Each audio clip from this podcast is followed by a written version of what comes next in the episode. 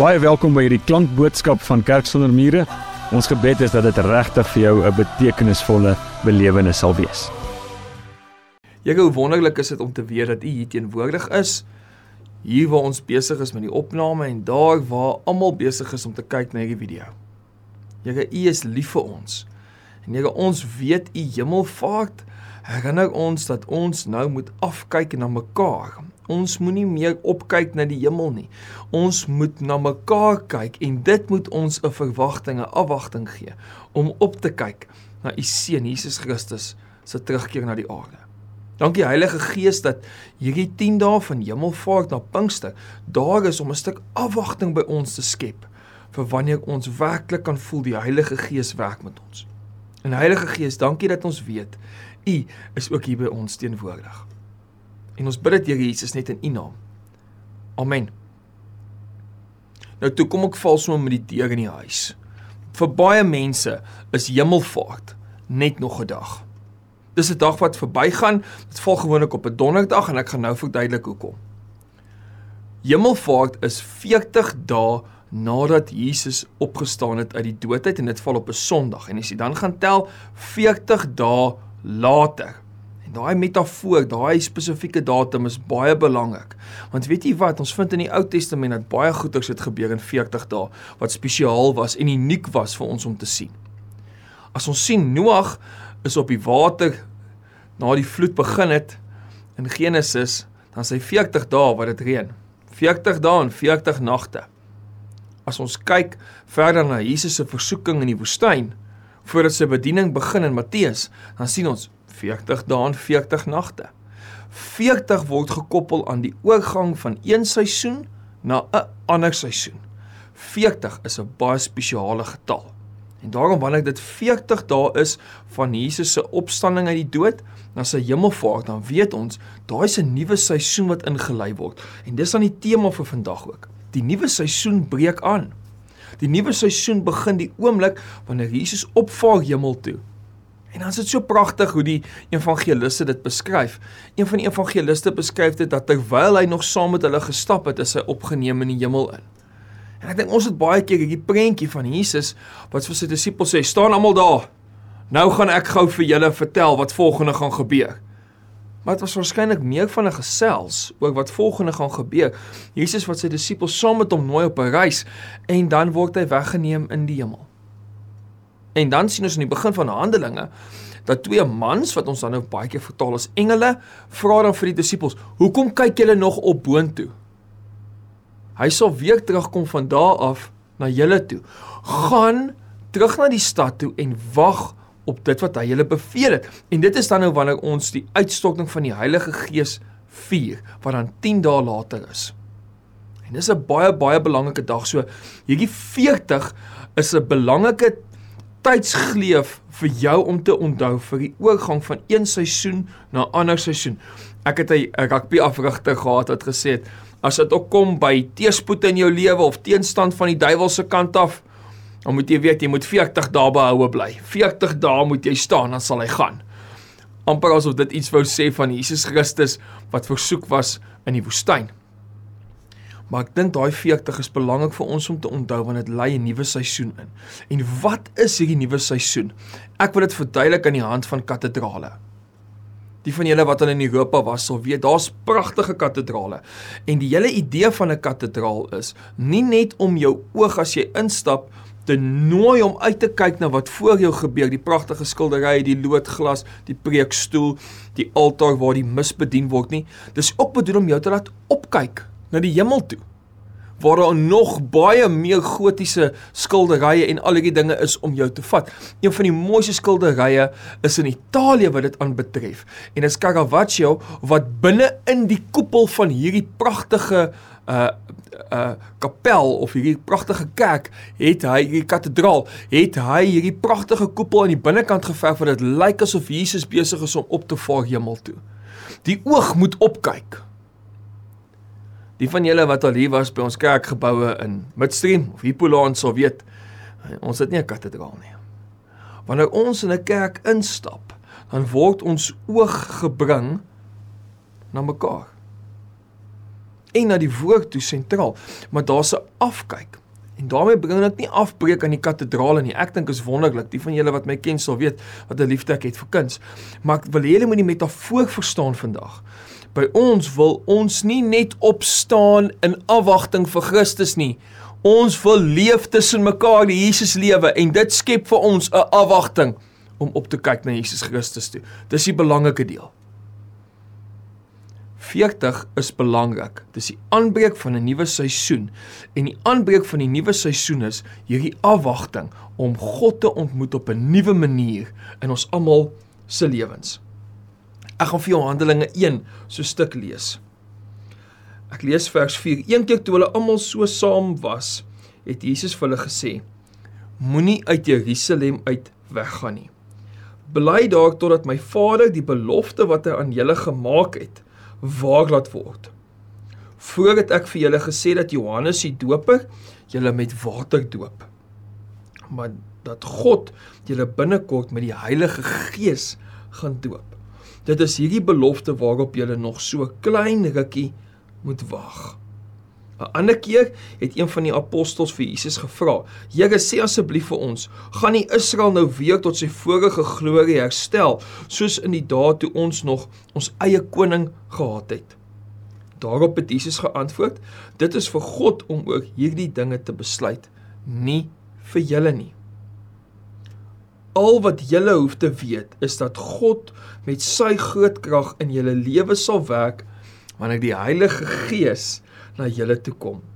Dan gaan julle oral oor my praat, hier in Jerusalem, maar ook in die hele Judea en Samaria, ja selfs tot aan die verste uithoeke van die wêreld.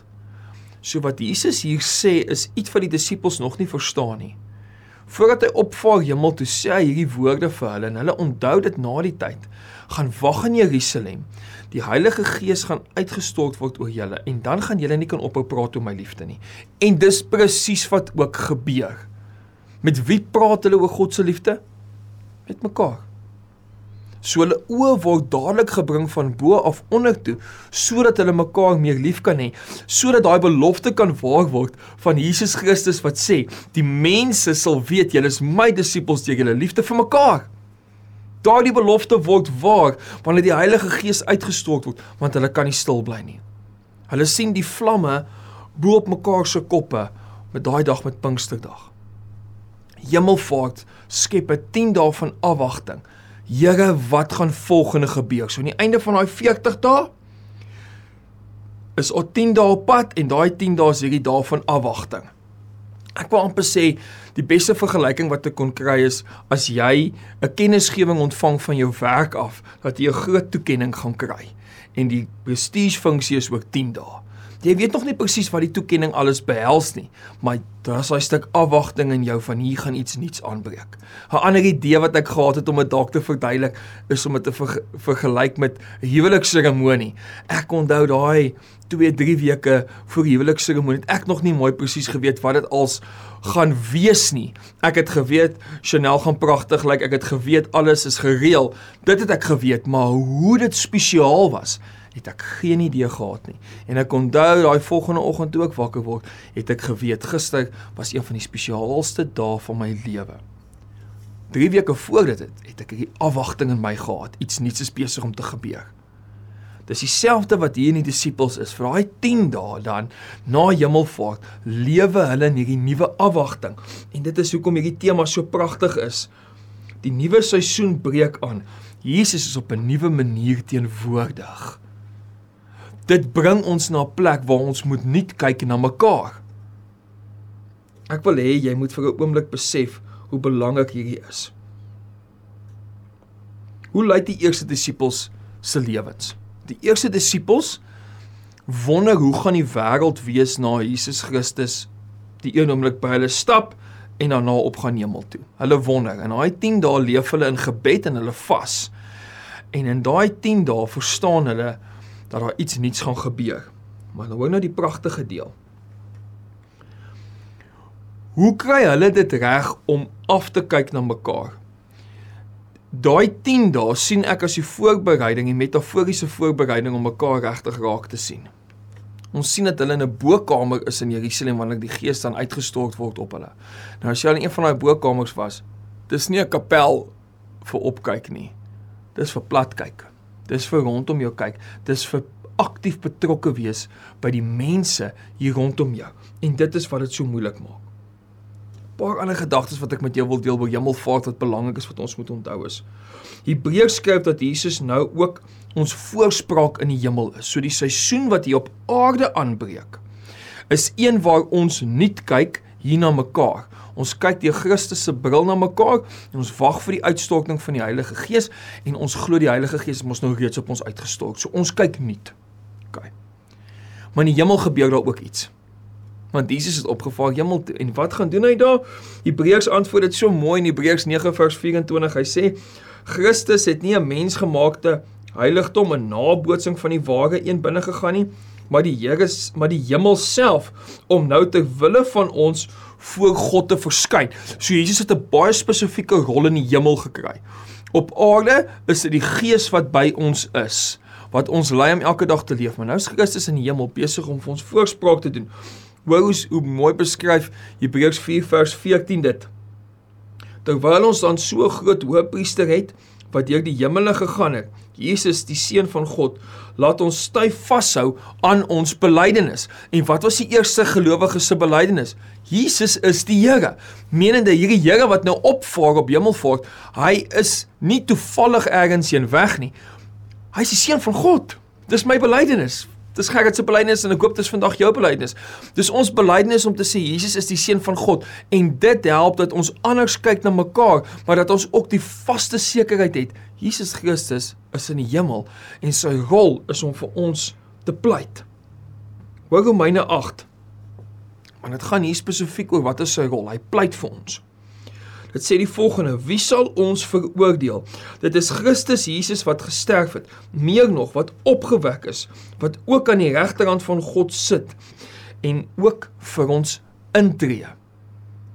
Daarom sê hy dan verder: Niemand kan ons veroordeel nie, want Christus se rol is die een wat in die middel staan. En dit was Jesus se rol van die begin af gewees. Sy rol van die begin af was om te staan tussen mense en owerhede wat hulle te nakom. Om te staan tussen die bose en die wêreld wanneer hy vir ons sterf. En om nou te staan tussen ons en die Vader en ons werklik hierdie pragtige koneksie te kan gee met die een wat alles geskaap het. Dit is sy rol. Kolossense 3 vers 1 is vir my so pragtig as mens dink aan wat gebeur op Hemelvaart.